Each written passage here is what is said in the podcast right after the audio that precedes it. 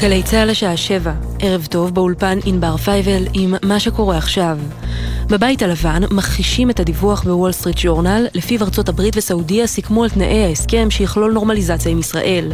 היועץ לביטחון לאומי של ארצות הברית, ג'ון קירבי, הצהיר כי עדיין לא הושגו הבנות בין הצדדים. עוד הוסיף קירבי כי המגעים נמשכים וישנה מחויבות להגיע להסכם. מדבריו הביא כתב חדשות החוץ ברק בטש. השר ניר ברקת מהליכוד אמר לישראל פישר ונעמה סיקולר, זו התפתחות דרמטית, אנחנו מוכנים לסייע לפלסטינים, אך יש לנו דרישות. הישגים דרמטיים והיסטוריים, והמחנה הלאומי כולו מתייצב אה, מאחורי הסכם כזה. לא רק המחנה הלאומי, אני חושב שאין אחד בישראל שלא ישמח לראות את התהליך הזה קורה. יש לנו אינטרס שהרשות הפלסטינית אה, תילחם בטרור, תטפל באתגרים האזרחיים של עצמה. במערכת גומלין אנחנו מצד אחד מוכנים לסייע, מצד שני יש לנו דרישות. שר האוצר בצלאל סמוטריץ' ימסור בעוד זמן קצר הצהרה לתקשורת בעקבות החלטתו להקפיא העברת 300 מיליון שקלים לרשויות ערביות ותקציב בסך 200 מיליון שקלים לעידוד ההשכלה הגבוהה במזרח ירושלים. כתבתנו יובל מילר מעדכנת כי כ-50 בני אדם מוחים מחוץ למשרד האוצר נגד החלטת השר סמוטריץ'. בבית המשפט המחוזי בירושלים נערך בשעה זו דיון דחוף בערר שהגישה המשטרה נגד שחרורם למעצר בית של אלישע ירד ויחיאל אינדור, החשודים שירו למוות בפלסטיני בכפר בורקה ביום שישי האחרון. כתבנו שחר גליק מזכיר שמוקדם יותר היום, בית משפט השלום הורה לשחרר את השניים לביתם, לאחר שחומר הראיות בתיק לא התחזק בימים האחרונים, וקבע כי עדיין אין יכולת להכריע בין הגרסאות בשאלה האם הירי בוצע כתוצאה מהגנה עצמית. האלימות בחברה הערבית. שלושה בני אדם נרצחו ביממה האחרונה ברהט ובלהבים. חבר הכנסת יואב סגלוביץ' מיש עתיד, לשעבר הממונה על הטיפול באלימות בחברה הערבית, תקף בגלי צה"ל. לממשלה הנוכחית לא אכפת משום דבר. כששמים אנשים גזענים, בלתי מקצועיים, קיצוניים, שלא יודעים לעבוד ועושים ההפך, יש להם אג'נדה, זה מה שקורה. מפרקים כל חלקה טובה, אף אחת מהתוכניות לא המשיכה. לטענתי לממשלה הזאת לא אכפת כמעט מכלום. משרד החוץ בוחן אפשרות לפינוי ישראלים וזכאי עלייה מאזור גונדר בצפון אתיופיה לבירה אדיס אבבה בעקבות ההסלמה בלחימה באזור. המשרד יצר קשר עד כה עם 236 ישראלים שנמצאים בגונדר ו-39 עדיין מוגדרים מנותקי קשר. ידיעה שמסר כתבנו המדיני יניר קוזין. ומזג האוויר למחר, הטמפרטורות תהיינה רגילות לעונה. לעדכונים נוספים חפשו את גלי צה"ל בטוויטר. אלה החדשות שעורכת נועה מיכאלי, בצוות טלאור מאירסון וליאור רונן.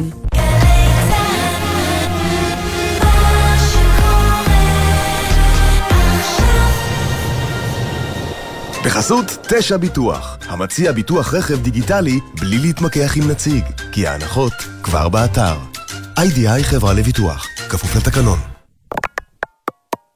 עכשיו בגלי צה"ל, טלי ליפקין-שחק, עם רצועת הביטחון. הבית של החיילים, גלי צה"ל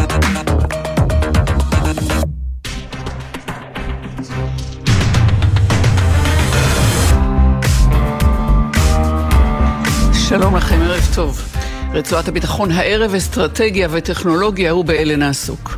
בעיצומם של ימי הגיוס הגדול לצה"ל, גיוס אוגוסט ליחידות אה, לוחמות ומתיחות דקה אך נוכחת בגבול הצפוני. גם צה"ל מודה, יש עכשיו כשירות לצה"ל למלחמה, אבל יש פגיעה מתוחמת כבר במערכים מסוימים. נעמוד על המשמעויות. מתיחות גם במפרץ הפרסי בחילופי איתותים בין הברית לאיראן, וזאת על רקע החתירה להסכם נרחב בין הברית לסעודיה, ובתוך אי בהירות באשר להסכם הבנות בסוגיית תוכנית הגרעין האיראני. אלה ודיווח הממקם את התעשיות הביטחוניות הישראליות הגדולות בראשון אלביט, אחריהן התעשייה האווירית אורפאל, בין מאה הגדולות בעולם, וגם הפנים החשוכות של הגאונות הישראלית. האם התעשייה הישראלית מסייעת לדיכוי אוכלוסיות בסודאן? כל אלה הוא משקפת היום לצבא יפן, בשבוע בו ספרנו 78 שנים להפצצה האטומית האמריקאית על ערי יפן, הירושימה ונגסקי וכניעת יפן לסיום המלחמה. איתכם טלי ליפקין שחק, ברצועת הביטחון. עכשיו.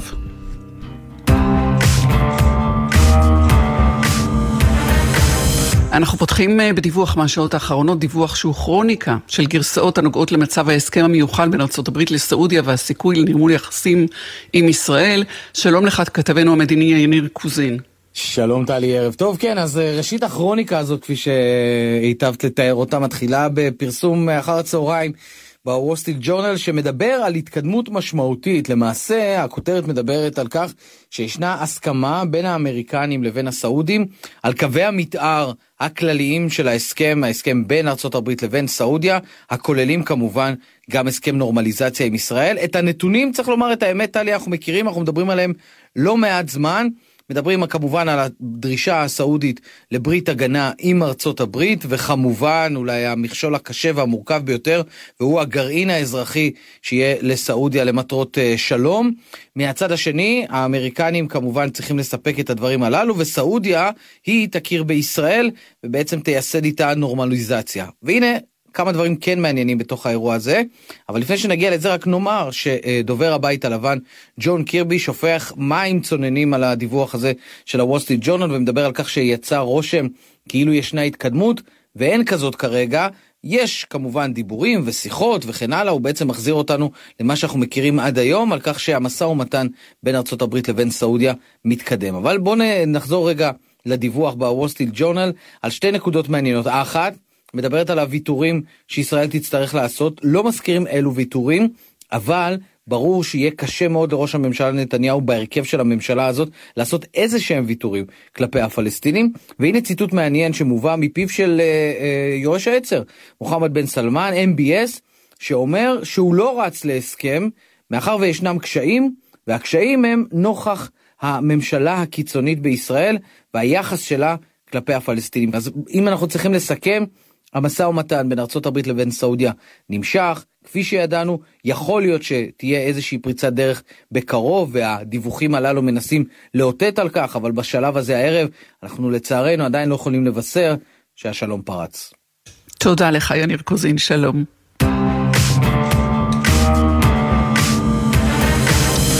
ועכשיו אה, לסוגיית הכשירות של צה"ל, שלום לאלוף במילואים גיא צור, מי שהיה מפקד זרוע היבשה בצה"ל, ערב טוב לך. ערב טוב. אנחנו נדרשים אה, לדברים שהוא אומר אתמול אה, בשיחה עם עודד בן עמי בתוכנית שש עם, כשהוא ניצב בבסיס מיטב במהלך גיוס אה, לוחמים לגולני, דובר צה"ל תת-אלוף דניאל הגרי, ובוא נשמע את הדברים שאמר. יש עכשיו כשירות לצה"ל למלחמה, אבל יש פגיעה מתוחמת כבר במערכים מסוימים. בחיל אוויר זה יותר מובהק, זה דבר שאנחנו חייבים לטפל בו. איך אנחנו מטפלים בו? מפגשים, אחד על אחד, שיחות, אחד על אחד. עם מילואימניק ומילואימניק, כל אחד יש לו קו אדום אחר, כל אחד מסתכל על הדברים אחרת, הם כולם מלאי רגשות, זו תקופה סוערת במדינה, וזה משפיע על צה"ל. אז אה, זה משפיע על צה"ל, ואני שואלת אותך, כמי שהיה מפקד זרוע היבשה, איך מתרגמים את האמירה הזאת שהיא אה, כנה ואולי אפילו קצת נועזת אה, למצב האמיתי ולהכנות הנדרשות אה, במתיחות, בתקופה של מתיחות ובכלל? תראי, כשירות, האתגר עם כשירות זה שלא רואים אותו. הוא דבר שהוא אה, קצת אה, חמקמק. אתה יכול לחשוב שאתה בכשירות כמו שבצה"ל חשבו שנמצאים לפני לבנון השנייה, ואם לא עשית את הדברים נכון, אתה מאבד את הכשירות, ואז אתה חווה את זה אה, באירוע שלא היית רוצה לחוות אי כשירות. הדוגמה הטובה ביותר מהשנים האחרונות זה הצבא הרוסי כשהוא פותח במלחמה נגד אוקראינה. מנהיגי רוסיה חושבים שיש להם צבא, ובעצם יש להם איזו מיליציה חלשה מאוד שבכלל לא מותאמת לשדה הקרב, כי מושחתים כנראה במקום להשקיע בצבא השקיעו בעצמם. אה, צה"ל נמצא היום בהידרדרות של הכשירות וההידרדרות היא אה, מהירה, בעיקר בחיל האוויר. חיל האוויר נדרש בגלל רמת המקצועיות הגבוהה בפרטים הקטנים, הוא נדרש לאימונים יומיומיים וטייס שלא מתאמן שבוע-שבועיים כבר בוחנים עד כמה הוא כשיר. וחיל האוויר הוא צבא התנדבות. אנחנו יכולים להגיד סדיר, מילואים, בסוף כולם מתנדבים שם, והעובדה שממשלת ישראל לא מתעוררת תפגיש אותנו עם אה, מצב קשה ביותר. יהיו שיאמרו אה, אה, שכשירות היא דבר שהוא דווקא, אמנם אה, לא, לא נראה בעין, אבל מדיד אה, וכמעט מדעי אה, ב... במדדים, בפרמטרים של גם ציוד, גם כוח אדם, גם אימונים. לגמרי, לגמרי. אנחנו, אנחנו מודדים את הכשירות לא בבדיקה כל רגע אה, עד כמה אנחנו טובים, אלא כמה התאמנו וכמה השקענו באמצעים וכמה השקענו בציוד, והאם עמדנו בסטנדרטים שקבענו על פי הניסיון שלנו. ועל פי הניסיון שלנו, אני כבר אומר לך שצה"ל לא בכשירות מלאה מלאה כמו שהיינו רוצים, גם בהיעדר התהליך של ההפיכה המשטרית. יש לנו גדודי מילואים שהגדרנו כשירות טיפה יותר נמוכה, כי אנחנו לא תמיד מגיעים לכל האימונים שאנחנו רוצים להגיע, אבל הוא בהחלט צבא כשיר באופן סביר אל מול האתגרים. דווקא במערכים שהם הראשונים, שהם המשמעותיים ביותר בסוג הלחימה של היום, כי את יודעת, רוב הלחימה היום היא לחימה שהיבשה נכנסת אליו יותר מאוחר, אם בכלל. יש חלק מהסבבים שהם ללא יבשה כמעט כלל וכלל פרט לשלבי הגנה ולכן העניין הזה של המערכים המיוחדים, של חיל האוויר, של הסייבר, של היחידות המיוחדות הוא תמיד נמצא בתוך הקלחת מלכתחילה ודווקא הם מאבדים את הכשירות מהר יותר גם בגלל המקצועיות וגם בגלל שרוב האנשים שם הודיעו שהם אה, עוצרים את התנדבותם אה, והכמויות הן מאוד גדולות. וזה די מזעזע שממשלת ישראל, בעיקר ראש הממשלה, לא מתעוררים ועוצרים את התהליך ההזוי הזה של ההפיכה המשטרית. תראה, אנחנו יכולים אה, להיכנס פה לדיון האם ממשלה צריכה להתנהל על פי כוח שמפעיל, מפעילה קבוצת לחץ מהיותה משמעותית לביטחון, אבל זה דיון נפרד. אני רוצה רגע להישאר בסוגיית הכשירות. אה, ולבדוק איתך, אה, אמרת, מרבית ההתכתשויות או המלחמות אה, או הסבבים הם לאו דווקא על הקרקע. אבל זאת הנחת עבודה נכונה למה שהיה, פחות אולי למה שיהיה. לא, בוודאי, תראי, בסופו של דבר, כדי להכריע מלחמות, מדינת ישראל צריכה את צבא היבשה. אני התייחסתי לעובדה שאפשר לומר שבצבא היבשה הכשירות יורדת מעט יותר לאט מאשר לדוגמה בחיל האוויר, מכיוון שאנחנו הגדרנו לעצמנו שאם גדוד מתאמן פעם בשנה ועובר על כלל המרכיבים שהגדרנו שהם המרכיבים שהוא יפגוש בשדה הקרב, אז אנחנו קוראים לו גדוד כשיר. זאת אומרת שאם עוד לא עברו, עברו שלושה חודשים, אפילו לא רבע מהצבא לא כשיר גם אם כל מי שהיה אמור להתאמן לא התאמן, ואנחנו יודעים שזה חלקי, חלק מתאמנים, חלק פחות מתאמנים, אה, כי הם החליטו לא לבוא. אבל, ולכן התייחסתי לעניין הזה, שעוד יש לנו זמן עד שגם הכשירות של היבשה אה, תיפגע באופן קיצוני. אבל הכשירות של חיל האוויר, של היחידות המיוחדות, של הפעילויות המיוחדות שכוללות הרבה מאוד דברים שחלקם ידועים וחלקם פחות. אלו פעילויות שהכשירות בהן יורדת בקצב הרבה יותר מהיר. כדי לדייק... כן, סליחה. כן. ואל לנו? ואל לנו לא, לא לקשור את האירוע הזה עם האירוע של ההפיכה המשטרית. זה האירוע. אני... אני, אוסיף דברים שאומר, אה, אמר אתמול אה, אה, תת-אלוף דניאל הגרי, דובר צה"ל, כשהוא מרחיב בעניין, הוא נותן דוגמאות, למשל בית ספר לטיסה, שבין מפעיליו מילואימניקים שמתנדבים מעבר לגיל הפטור, הם שמכשירים את פרחי הטיס. הוא אומר, מספר לא מבוטל מהם החליטו לא לבוא, וככל שיחלוף הזמן, הם אנשים בעלי ידע שהיעדרם יפגע באיכות הטיסה. עכשיו, אתה מדבר על אה, צבא יבשה, ואולי אנחנו נכנסים פה למקום שבו אפשר למפות את הצבא, אה, איך נגיד, באיזשהו איזשהו מיפוי חברתי, מגזרי, וגם העובדה שפחות היעדרויות יש במה שמכונה צבא היבשה, או יוגדר ככזה, אה, אה, ופחות התנגדות אה, לתהליכים שמעבירה הממשלה, הם שעושים את ההבדל. או שאתה לא מכוון לכך, אלא לאופי לא, לא, הדברים. אני לא חושב. אני לא חושב שאפשר להגדיר אה, שעל פי איזה שהן אה, קוניונקטורות פוליטיות יש יותר בחיל האוויר אה, כאלה שהחליטו לא להתנדב ופחות ביבשה. אני חושב שיש פה רוב מאוד גדול במדינת ישראל שצועק תפסיקו את ההפיכה המשטרית הזאת. והכלי הנורא שהם קיבלו כי זה כואב להם בלב. ואני מכיר גם ביבשה רבים שהחליטו שעושים את זה או שאו-טו-טו הם עושים את זה. כואב להם בלב, זה היה משוש חייהם ללכת למילואים ו- ו- ולהיות חלק מביטחון המדינה והדילמה שמעמידים אותם היא איומה הבולטות של חיל האוויר נובעת בעיקר מהמהירות של הדברים כפי שהם קוראים, לא מאיזה שהם כן. מרקמים חברתיים שונים. וזה, וזה ימשיך להידרדר, וזה נורא שקט, את יודעת, זה לא, אם אין, אה, לא משדרים את זה כל יום כי זה נמאס, אז הכשירות לא עוצרת בגלל שלא מדברים על זה, הכשירות ממשיכה להידרדר. אה, כדי, אמרתי קודם שלא ניכנס אה, לדיון, אה, לגוף הדיון, משום שיהיו שיאמרו שה... פרימה של הלכידות בתוך אה, הצבא, ובהינתן שיש גם מי שחושבים אחרת במידה גדולה מאוד אה, של אה, להט, או במצבים אחרים של החלטות ממשלתיות יחשבו אחרת, ואי אפשר על סמך זה לנהל את משק הכשירות שלנו.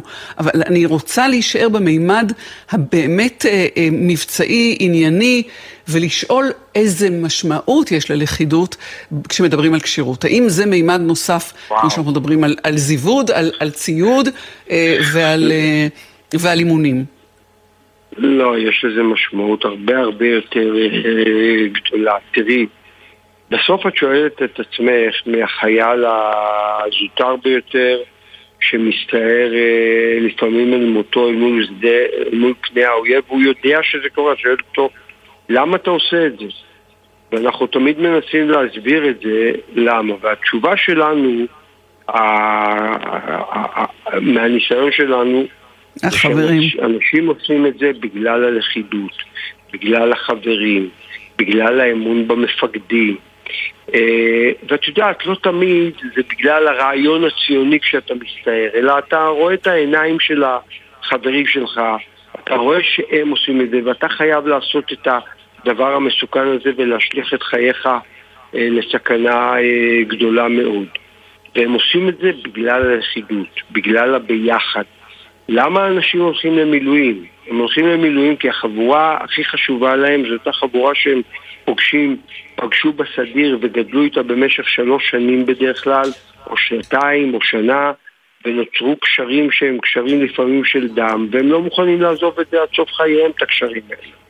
ופתאום, כמו שבמשפחות יש לנו התפרקויות, גם בתוך היחידות האלה יש התפרקויות, והמשמעות של זה היא משמעות איומה גם ליכולת שלנו, אין ספק, הלכידות היא, היא, היא לפני ציוד, היא לפני, הלכידות זה האמונה בצדקת הדרך, שבשניהם התהליך הזה פוגע, גם בביטחון של האנשים שהם עושים דברים בממשלה שיודעת שיש בית משפט ויש אתיקה אה, משפטית והומניטרית וכל יתר הדברים שעל פיהם גדלנו ועובדים על פי ערכים ועל פי מידתיות אה, ו...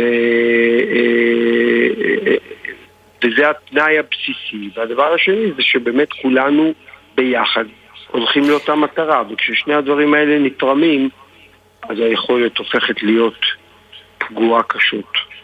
אלוף במילואים גיא צור, מי שהיה מפקד זרוע היבשה בצה"ל, תודה שדיברת איתנו, שלום לך. תודה לכם, ערב טוב. שלום. ובעוד אנחנו אה, מקוששים אה, לכידות אה, ומודאגים מהכשירות, מתיחות גם במפרץ הפרסי בין איראן לארה"ב. סימה שיין, ראש תוכנית איראן במכון למחקרי ביטחון לאומי, מי שהייתה ראש חטיבת המחקר במוסד, שלום לך, ערב טוב. שלום, ערב טוב, טלי. תראה, אז בצד אחד אנחנו מדברים פה הערב, לא חשוב, הדלפה אה, כנראה לא מאוד אה, מבוססת של הוול סטריט ג'רנל שרצה להרים אה, ולחזק את התחושה שאנחנו קרובים להסכם. צוננין ששופך הבית הלבן על ההודעה הזאת. אנחנו עוד רחוקים מהסכם בין ארה"ב אה, וסעודיה ובאופן שינרמל את היחסים עם ישראל, אבל ברקע שם איראן בכל מקרה. איראן אה, כנמסיס, כגורם אה, שמפעיל את הבריתות החדשות האלה, ומתיחות בין איראן לארה"ב במצרי הורמוז רק בסוף השבוע. נכון. אלה אמריקאים מאיימים או מודיעים שיוסיפו לשם כוחות, והאיראנים מציידים את הספינות שלהם בטילים מדויקים. מה, מה המשחק פה? וברקע כמובן הסכם ההבנות שכן או לא מתקיים ב, בלי שנקרא לו כך. כן, אה, טלי, בצורה מאוד אה, נכונה וטובה חיברת בין הדברים, ואכן כולם קשורים. אה, מה שקורה הוא שבהחלט ארה"ב ואיראן במתיחות גוברת במפרץ. אני אגיד בשתי מילים, יש, זה תהליך לא, שלא התחיל אתמול, הוא התחיל בחודשים האחרונים בין איראן לארה"ב, שאיראן עוצרת ספינות, ארה"ב עוצרת בחזרה ספינה עם דלק, עם נפט איראני, ואחר כך כן מחזירים, לא מחזירים, זאת אומרת הסיפור הזה נמשך הרבה זמן, ולאחרונה האמריקאים החליטו קצת לחזק את ה... הפיקוח שלהם על הברחות אה, נפט, כי האיראנים הגיעו כבר למצב שהם כמעט אה, מיליון וחצי חביות ביום מצליחים למכור, למרות הסנקציות. אה, והתוצאה היא באמת שהאמריקאים עושים מהלכים שאני חייבת לומר, אחד או שניים מהם הם חסרי תקדים. אכן, אז, אז זה שהם מחזקים את הכוחות שלהם, מביאים כלי, כלי, כלי שיט, אמפיביים ואחרים, כל מיני דברים, זה בוא נגיד לא יוצא דופן, למרות שיש על זה אלפי כוחות מרינס וכיוצא בזה. אבל שני דברים שהם מדברים עליהם, אחד, בעצם אפילו הייתי אומרת שלושה, אחד מהם זה אה, הפרסום שהם נתנו לזה שצוללת גרעינית אה, תשהה במפרץ. בדרך כלל הצוללות הגרעיניות מסתובבות, אבל לא מפיצים איפה הן נמצאות, והן לא קבועות במקום מסוים ולא מודיעים על זה. הדבר השני שהאמריקאים אה, אה, הדליפו, שהם שוקלים. זה לא אומר שזה יקרה, אבל שהם שוקלים בפנטגון את האפשרות להציב אנשים, אה, חיילים אמריקאים על ספינות אזרחיות. כדי למנוע חטיפה שלהן, מעצרן או חטיפתן על ידי האיראנים. זה כמובן מאוד מורכב, אף פעם ארה"ב לא עשתה את זה בעשורים mm-hmm. הרבים האחרונים, וזה כמובן מאוד מסובך, כי צריך אישור של המדינה שהדגל שלה על האונייה, ושל המדינה שמי ש... כאילו מי שהיא שייכת לו, זה לא סיפור פשוט, אבל עצם העובדה שהאמריקאים מעלים את זה, מדליפים את זה, מראה שהם לא מתכוונים אה, להיות בשקט ולא לעשות שום דבר.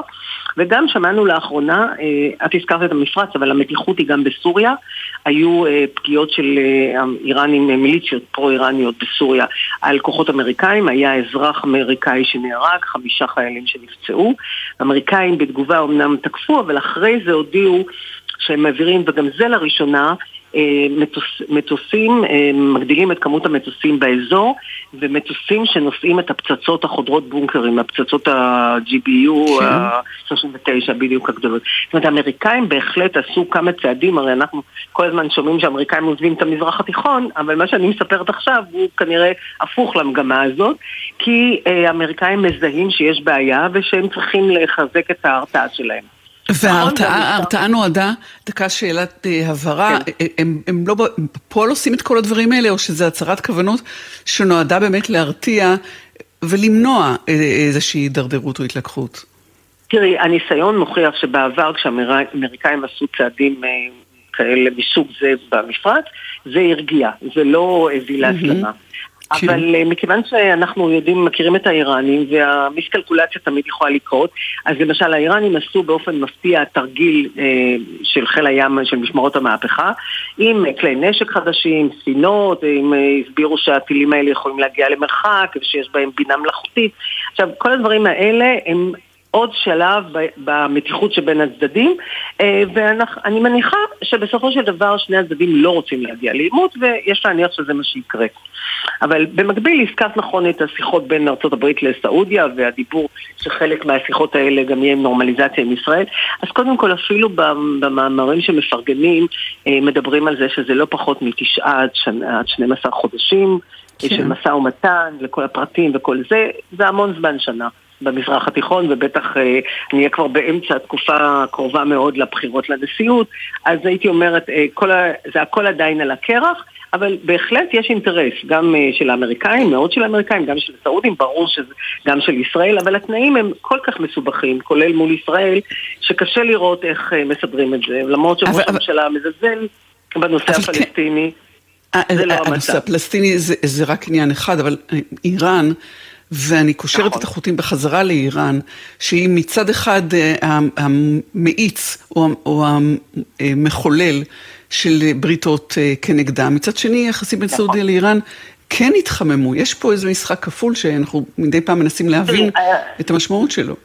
נכון, היחסים, אני, אני לא הייתי אומרת שהם התחממו, הייתי אומרת הם חזרו לתקנם הדיפלומטי ובאמת לפני שלושה ימים נפתחה השגרירות הסעודית בטהרן, אז השגרירות האיראנית כבר נפתחה לפני כמה חודשים ואכן יש ניסיון של שני הצדדים לחזור לאיזושהי נורמליות ביחסים, אבל אין אה, באמת אה, התחממות ואין אה, שום אהבה שם בין המדינות, להפך יש הרבה, הרבה בית בלאד כמו שאנחנו אומרים בין, mm-hmm. ביניהם וגם אפילו עכשיו, כשמדובר על, נורמ, על נורמליזציה עם ישראל, האיראנים כבר מסבירים שכל uh, שיפור ביחסים עם ישראל רק יביא ליותר מתיחות במפרץ, רמז ברור לסעודים שזה לא כדאי לעשות את זה.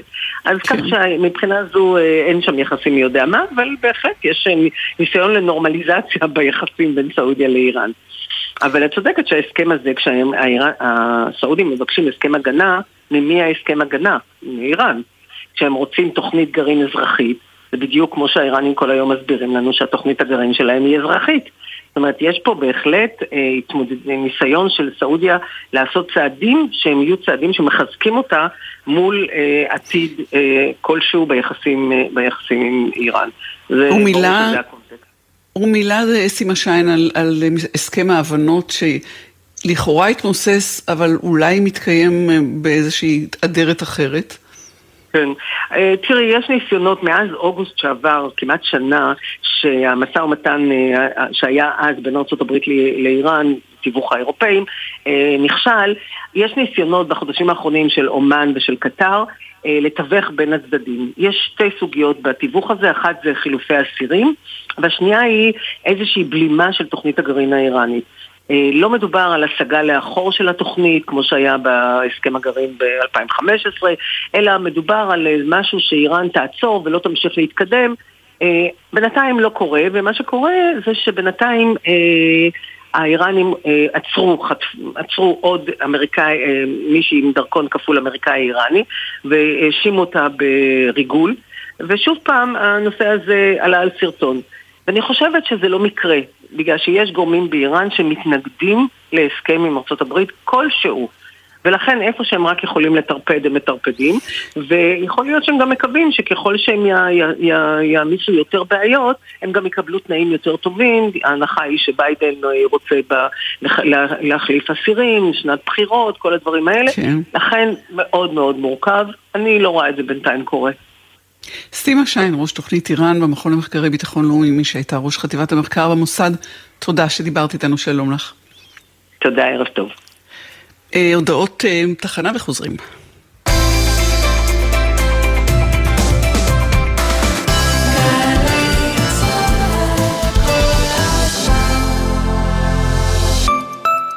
בטח שמעתם עלינו, האגף והקרן לחיילים משוחררים במשרד הביטחון. המקפצה שלך לאזרחות אבל חשבתם פעם למה אנחנו... המקפצה שלך לאזרחות. זה משום שאנחנו מציעים הרבה יותר ממענק ופיקדון אישי. גם לימודים, הכשרות ומלגות וגם ייעוץ אישי והכוונה. אז היכנסו לאתר שלנו, תנו לנו להיות... המקפצה שלך לאזרחות. השומר, הבלם, הבלמח ההגנה, אצל לחי, צהל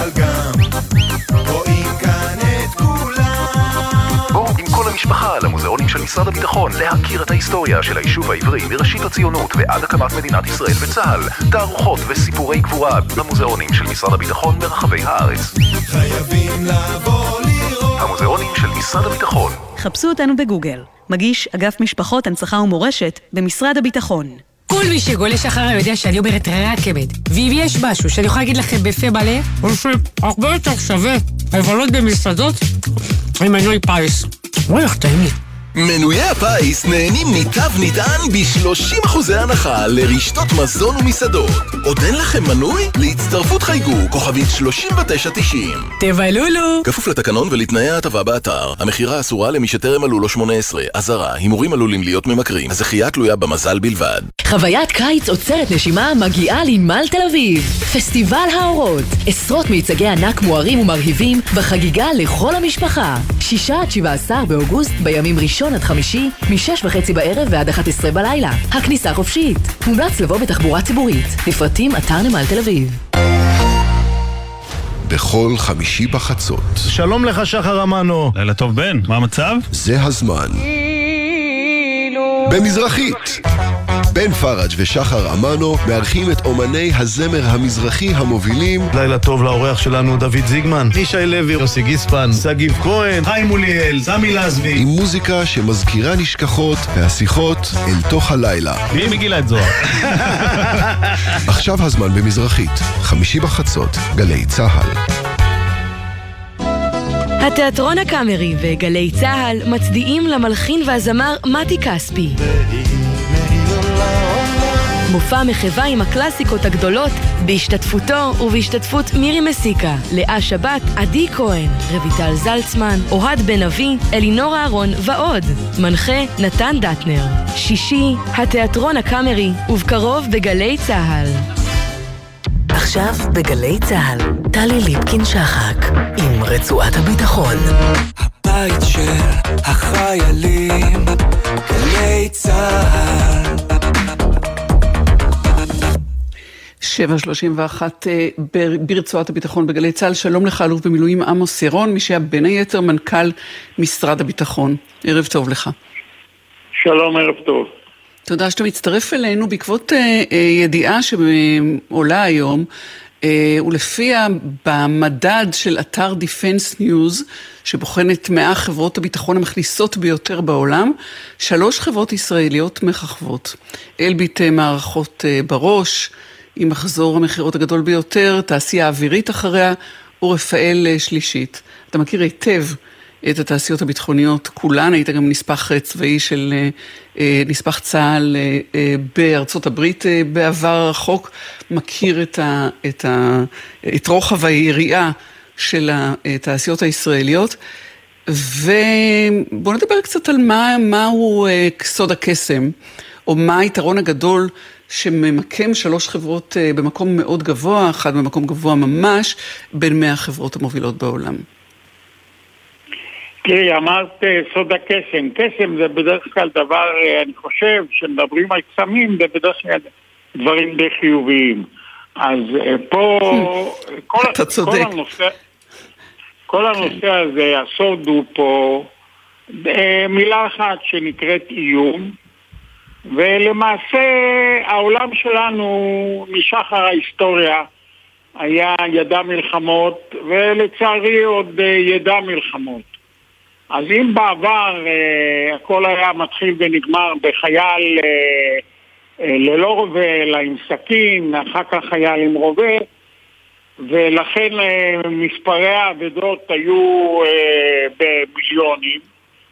היום אה, האיום אה, ממשיך להיות קיים, כלומר מלחמות כנראה תמשכנה להתחולל אה, ב- ב- בעולם, אבל מכיוון שהטכנולוגיה התפתחה, אז נמצאו תחליפים לחזה החשוף ולהווה.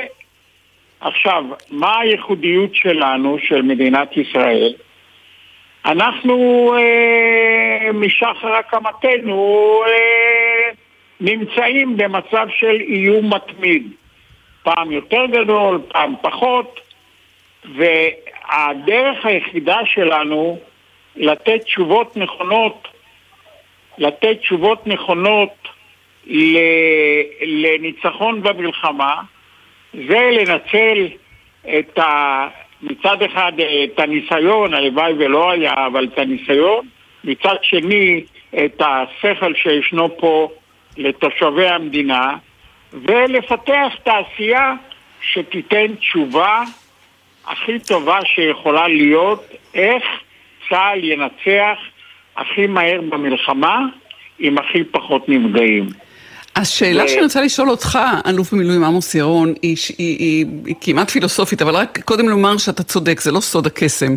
מה סוד התבונה נניח, אה, אה, או משיכה אל, אל, ה- אל המוצרים הישראלים, הייתי צריכה לומר, ברגע שאמרתי קסם, ידעתי שאמרתי לא נכון, אבל שאלה שאני שואלת היא, עד כמה הפיתוחים אה, בכלל של תעשיות הנשק, הן אה, להגנה, הן להתקפה, בכל הממדים, הם אה, אה, משקפות, אה, המוצרים האלה משקפים איומים, או שהם מייצרים איומים, והאם הם משקפים את שדה הקרב, או הם משרטטים את שדה הקרב? לא, הם לא צריכים העניין הזה להסתבך. האיומים קיימים, והמטרה היא בסופו של דבר של כל צד לנצח הכי מהר במלחמה עם הכי פחות נפגעים. עכשיו היתר, היתרון של צה"ל, או למעשה אה, המצב של מדינת ישראל, שהיא אה, אה, במצב של איום מתמיד, אה, פיתחה פה תעשייה שלמה כדי לתת תשובה לניצחון הכי מהר במלחמה עם הכי פחות אבדות. הרבה שנים באירופה לא הייתה מלחמה, או בכלל בהרבה מקומות בעולם, והעולם מבין שיש פה מדינה, אומנם מדינה קטנה, אבל עם הרבה שכל ועם ניסיון רב, והיא יודעת לפתח מערכות לחימה שנותנות תשובה אמיתית לשדה הקרב העכשווי. ומכיוון שיש לנו את הניסיון הזה, הלוואי ולא היה, והיינו יכולים להיות במצב אחר, אבל זה המצב, והראש היהודי, איך אומרים, ממציא פטנטים, אבל הפטנטים האלה הם, הם בהשקעה גדולה מאוד של, של אה, כוח אנושי ושל אה, הרבה מאוד כספים שהמדינה משקיעה. ומה שקרה לנו עכשיו, לא רק עכשיו, אלא בשנים האחרונות, שההשקעה הזאת השתלמה, והדיבידנדים הם בסך הכל מתבטאים במה שפורסם היום, ששלושת החברות האלה הם בין 100 החברות הגדולות בעולם, והן לא נשענות אך ורק על צה"ל. הן נשענות. בעיקר, הן נשענות בעיקר על ייצוא ביטחוני שהוא מגיע ל, לדעתי היום, אני לא יודע בדיוק, אבל הוא מגיע היום בטח לאיזה 15 מיליארד דולר בשנה. אז בוא בתקופה נדבר רגע, הייתי- כן, בתקופה שאתה היית, כמה זה, על כמה זה בתקופה עמד? ש- שאני הייתי מנכ"ל, אה, מנכ"ל, שזה היה כבר אה, די מזמן, היינו בסדר גודל של 7 מיליארד דולר בשנה. אני חושב שהיום הגיעו ל- למשהו כמו 15 מיליארד דולר אה, בשנה ייצוא, ומה הייצוא הזה עושה לנו?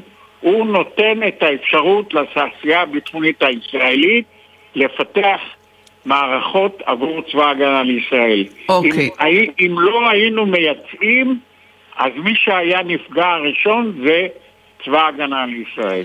אבל עמוס ירון, אלוף מילואים עמוס ירון, תן לי לשאול אותך משהו על המתח בין מה שאנחנו מייצרים עבור עצמנו לבין מה שאנחנו מוכרים לעולם וההתאמות שנעשות אה, לדבר הזה אה, כדי לשמור על, ה, על היתרון, על ה-edge, על החוד היתרון שלנו. אל מול מה שאנחנו אה, מפיצים ומעבירים הלאה. איך, אה, איך שומרים על זה, איך עוקבים אחרי זה, איך מבטיחים את זה? טוב, זה, זה יותר אה, כותרת, מה שזה באמת אה, מהווה? איזושהי בעיה. כי אנחנו יודעים לשמור באמת באמת על הסודות שלנו, ולא תמיד אנחנו נותנים את הדבר האחרון האחרון שנמצא על, אה, על לוח השרטוטים, ומה שאצלנו כבר בשימוש, הנה, הנה נראה דוגמה עכשיו, אני שומע שגרמניה הולכת לחתום עם ישראל על החץ. החץ הוא כבר אצלנו הרבה מאוד שנים. כלומר, יש פה מצב שאנחנו מייצאים דברים שהם כבר פותחו על ידינו ממזמן, ואנחנו יודעים לשמור טוב מאוד על אה, הסודות שקיימים בעקבות פיתוח האמצעים האלה. לא תמיד אנחנו נותנים את הדברים שהם בקו הראשון הראשון. יש לנו מגבלות, תלוי מי זאת המדינה, יש מדינות שאנחנו... יש לנו מדינה, אה, מדינות שאנחנו יותר פתוחים כלפיהן, יש מדינות שפחות, אבל יש... אה, בסך הכל גם אה, המלחמה הזאת באוקראינה עשה, עשה טוב לתעשייה הביטחונית. למרבה, ש... למרבה הכאב, ש... כן.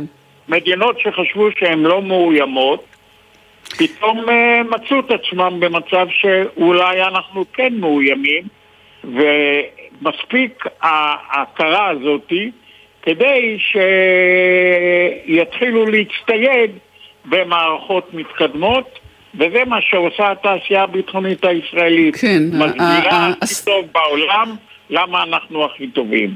אז האסון ש... דקה, אני רק אגיד שהאסון של אחרים הוא, הוא הרווח שלנו, אם, אם לשים את זה בצורה בוטה, אבל כן עוד אה, שאלה אחת, אה, אם הזכרת את, אה, את, את אוקראינה או מדינות שאנחנו מוכרים להם. אנחנו לא תמיד שקופים עד הסוף במדינות שאיתם, או בארגונים שאיתם אנחנו מנהלים את המסחר הזה. אה, למרות אה, שסיבת והאפי, אה, שזה הארגון ששומר על הייצוא הביטחוני ועל הרגולציה שלו, הנהלים ברורים, ובכל זאת יש לא מעט חריגות. איך, איך, איך אתה מסתכל על זה היום, לעומת ימים עברו? ברור שבימים עברו המערכות היו הרבה יותר פרוצות.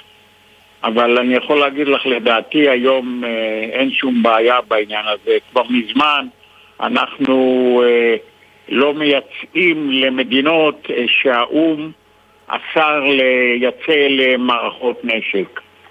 אז, אה, ויש אה, מגבלות נוספות. אה, עם ישראל יכול להיות שקט. אנחנו לא אה, מייצאים מערכות נשק למדינות שהאו"ם לא מאפשר את זה. אה, אנחנו, עמוס, אנחנו תכף אה, בשיחה הבאה נדבר על אה, מה שלפחות בתקשורת הזרה, למשל בסודאן, מתפרסם בדבר איזושהי מערכת שחברה ישראלית שאין לה אישור לייצוא ביטחוני פועלת שם, אנחנו לא ניכנס לפרטים כדי לא, מבלי שבדקנו את זה עד הסוף וגם לא קיבלנו אנחנו כשלעצמנו תגובה מהם, אבל אנחנו כן יודעים שיש חריגות ולא חריגות מעטות. ה genius, הגניוס הישראלי הוא אה, יודע גם אה, לפעמים אה, למכור, למכור לא נכון ולא להתאפק. טוב, אז זה, אז זה עבירות על החוק, ושיתפסו אותם ויעמידו אותם לדין. מה, מה, אני לא יכול להגיד יותר מזה. כן, בכל מקרה, בחברות הגדולות, אם אנחנו מדברים על, על אלביט, על רפאל, תעשייה אווירית, שם מן הסתם העניינים מוסדרים היטב. אבל המחזורים באמת אה, גדולים באופן מרשים, ואיך אמרת, הלוואי ולא היינו זקוקים לקסם הזה. האלוף במילואים עמוס ירון, מנכ"ל משרד הביטחון לשעבר, תודה שדיברת איתנו, שלום לך. שלום, תודה טלי.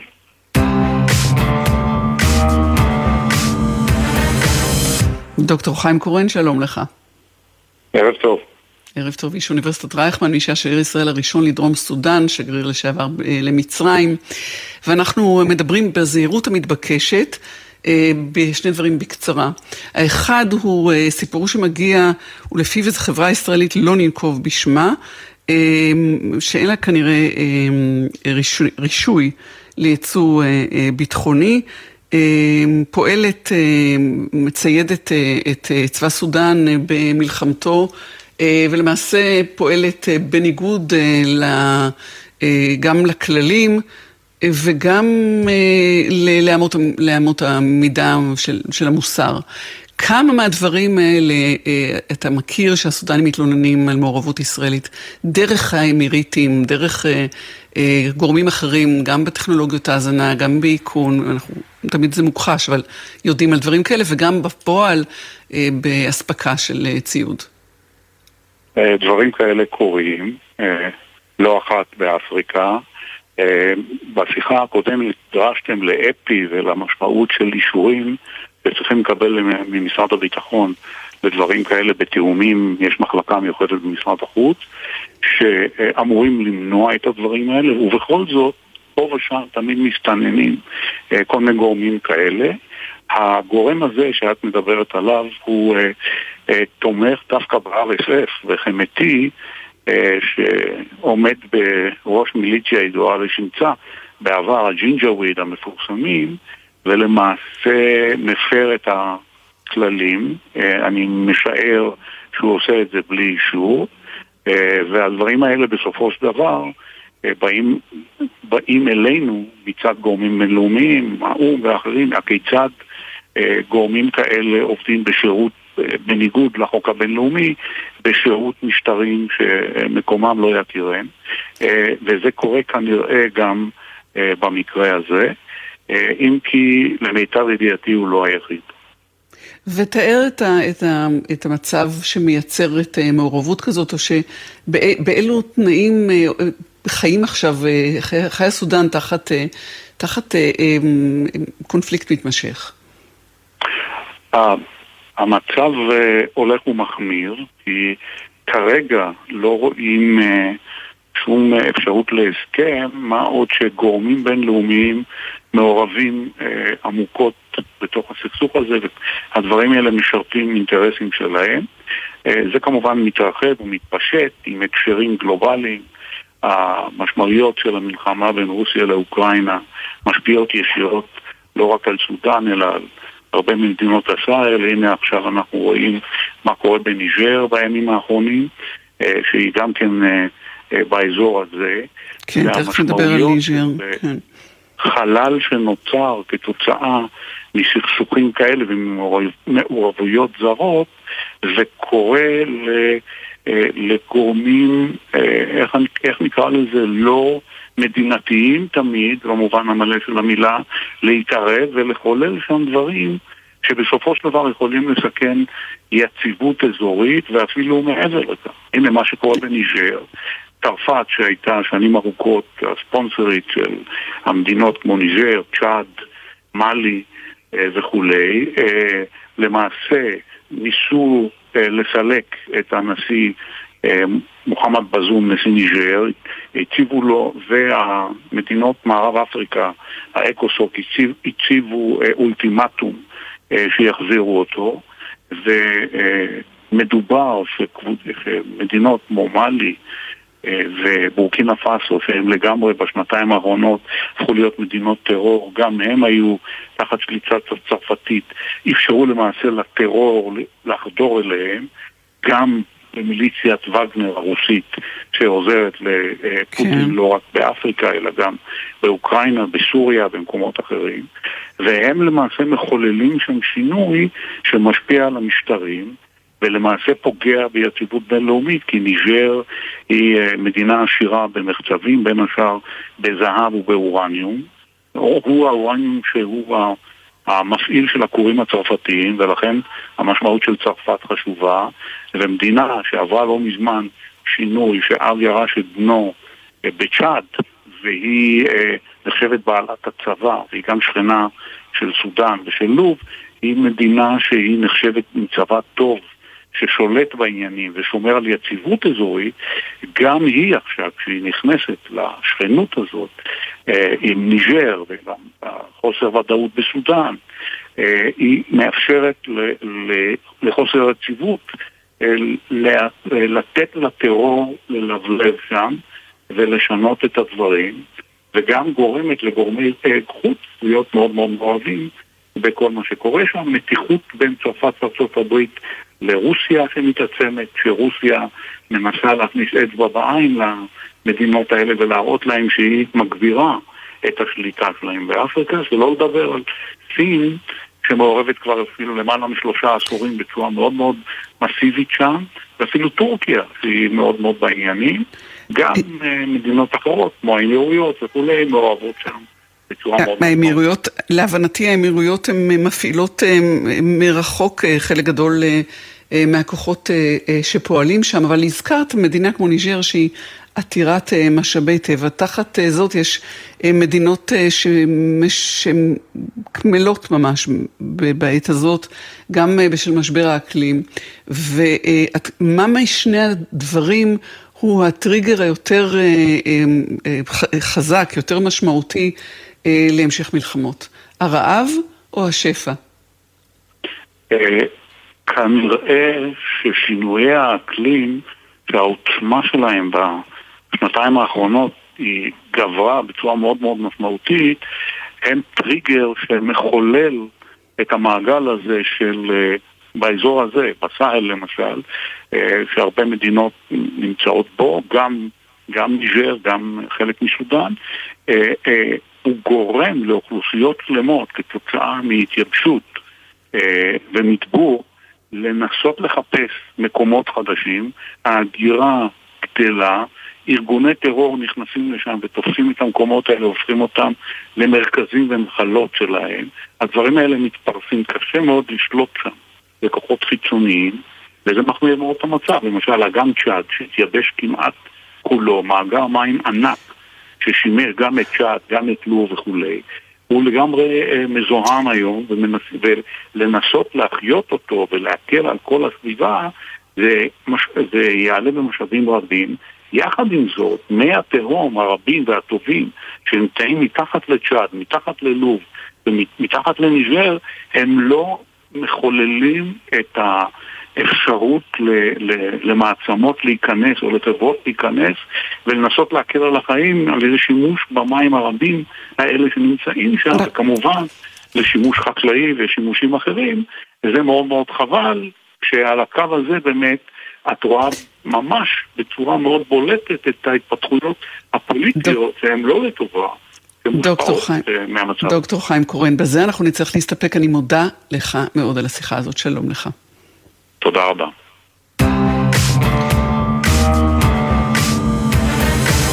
ולפני סיום, כמדי יום רביעי, משקפת לצבאות זרים, היום צבא יפן. משקפת, נקודת מבט צבאית עולמית.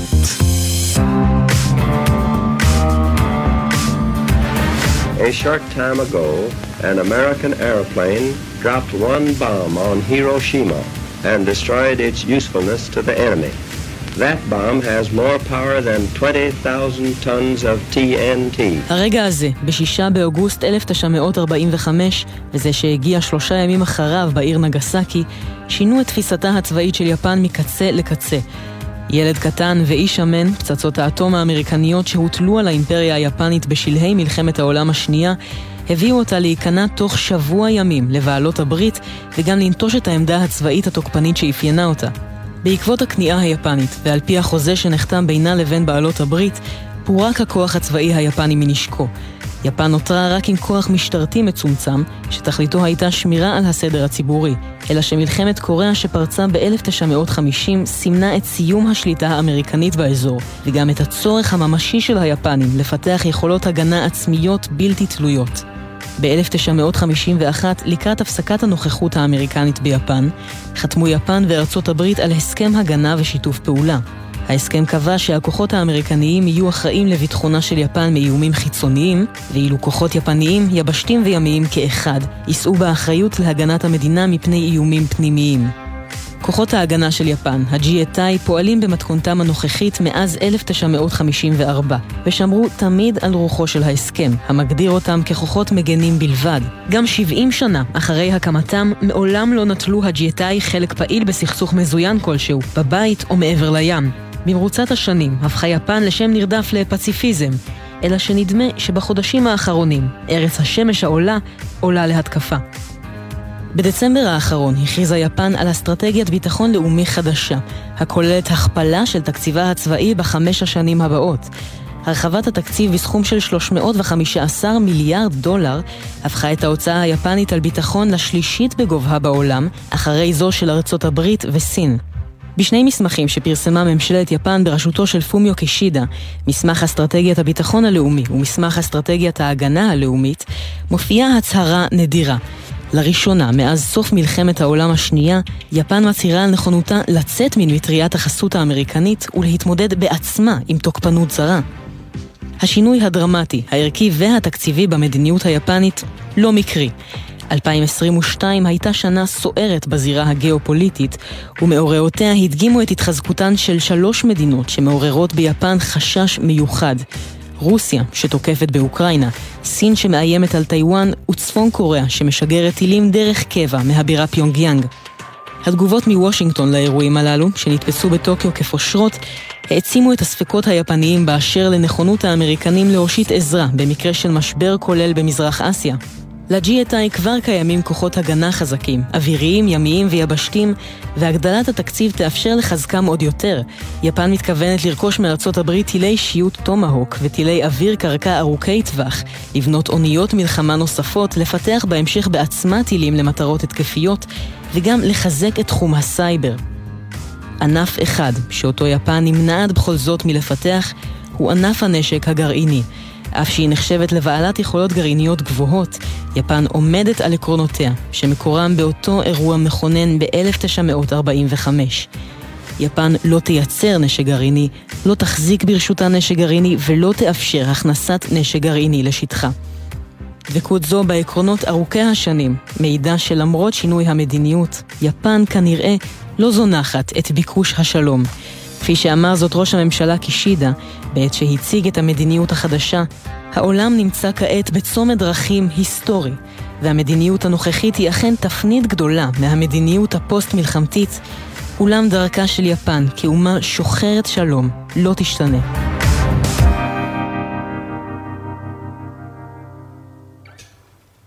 ורדי שפר כתבה את הפינה, קראה אותה עמית לוי. עד כאן אה, רצועת הביטחון להערב, מפיקה ראשית של הרצועה היא נועה נווה, מפיקים אליעזר ינקלוביץ', שיר דוד וורדי שפר, על הביצוע הטכני היה ליאם גל, בפיקוח אילן גביש. אני טלי ליפקין שחק, ערב טוב לכם כולכם, היי ושלום.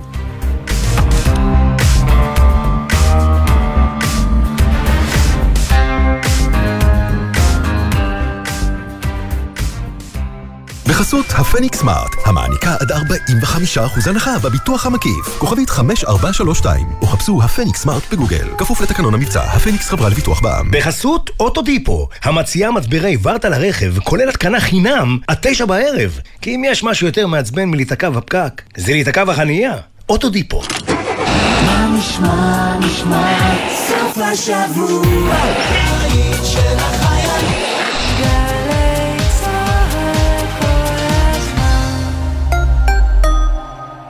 יצואנים, תעשיינים וחברות עסקיות רוצים לייצא לחו"ל? לפרוץ לשווקים חדשים? תוכנית כסף חכם מחכה רק לכם. כ-80 מיליון שקלים יוענקו במסלולים ייחודיים ליצואנים מתחילים או מנוסים. עד חצי מיליון שקלים לחברה. אל תוותרו על הסיוע. עכשיו תורכם לגדול לעולם הגדול. שימו לב, ימים אחרונים להגשה. המקצה פתוח רק עד 20 באוגוסט. מהרו להגיש. לפרטים חפשו ברשת כסף חכם, או היכנסו לאתר מנהל סחר חוץ במשרד הכלכלה והתעשייה, כפוף לתנאי התוכנית. הורים, שימו לב, מענק הלימודים בדרך עליכם. הביטוח הלאומי משלם מענק לימודים בסך 1,101 שקלים לילדים בגילי בית הספר היסודי והתיכון, במשפחות שבראשן הורה גרוש, אלמן, רווק או פרוד, ובמשפחות של ארבעה ילדים או יותר המקבלות קצבאות קיום. המענק ישולם ישירות לחשבון הבנק שלכם ב-10 באוגוסט. לבדיקת זכאותכם ולבירור אם עליכם להגיש בקשה למענק, היכנסו לאתר הביטוח הלאומי, או חייגו כוכבית 6050. ביטוח לאומי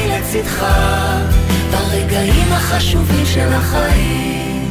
חוזרים מחו"ל? ודאו שאין לכם טרול בטרולי. צמחים, פירות, ירקות ודברי עט מחוץ לארץ עלולים לשאת מחלות ולחבל בחקלאות שלנו. חוק הגנת הצומח אוסר להכניס צמחים, פירות, ירקות ודברי עץ ארצה. ודאו שאין לכם טרולים בטרולי ותימנעו מקנסות. משרד החקלאות ופיתוח הכפר. השירותים להגנת הצומח ולביקורת. בני משפחות ילדי תימן, המזרח והבלקן, אל תוותרו על זכאותכם להסדר כספי מהמדינה. ממשלת ישראל החליטה לאפשר הסדר כספי למשפחות שעניין ילדיהן נדון באחת משלוש הוועדות הרשמיות, ובהן נקבע כי הילד נפטר או שגורלו אינו ידוע. לבדיקה ולמיצוי זכויותיכם, הגישו כבר היום בקשה מהירה באתר ענבל, חברת הביטוח הממשלתית. המועד האחרון לקבלת ההסדר הכספי נקבע ל-1 בספטמבר 23. פנו עוד היום ובדקו את זכאותכם. מגישים משרד האוצר ומשרד המשפטים. אחי, אתה נראה לי קצת עייף. כאן סמל ראשון אור דביר, לוחם בסיירת גולני. וסיימתי שבועיים של פעילות מבצעית. אני מבין טוב טוב מה זה להיות גמור, אבל אתה יודע מה ההבדל ביני לבינך? שאני לא עולה על ההגה. כשאתה עייף, עצור להתרעננות במקום בטוח, או שתיתן את המפתחות למישהו אחר שינהג. סומך עליך, אח שלי. גם אני מחויב לאנשים שבדרך עם הרלב"ד. אתם מאזינים לגלי צה"ל.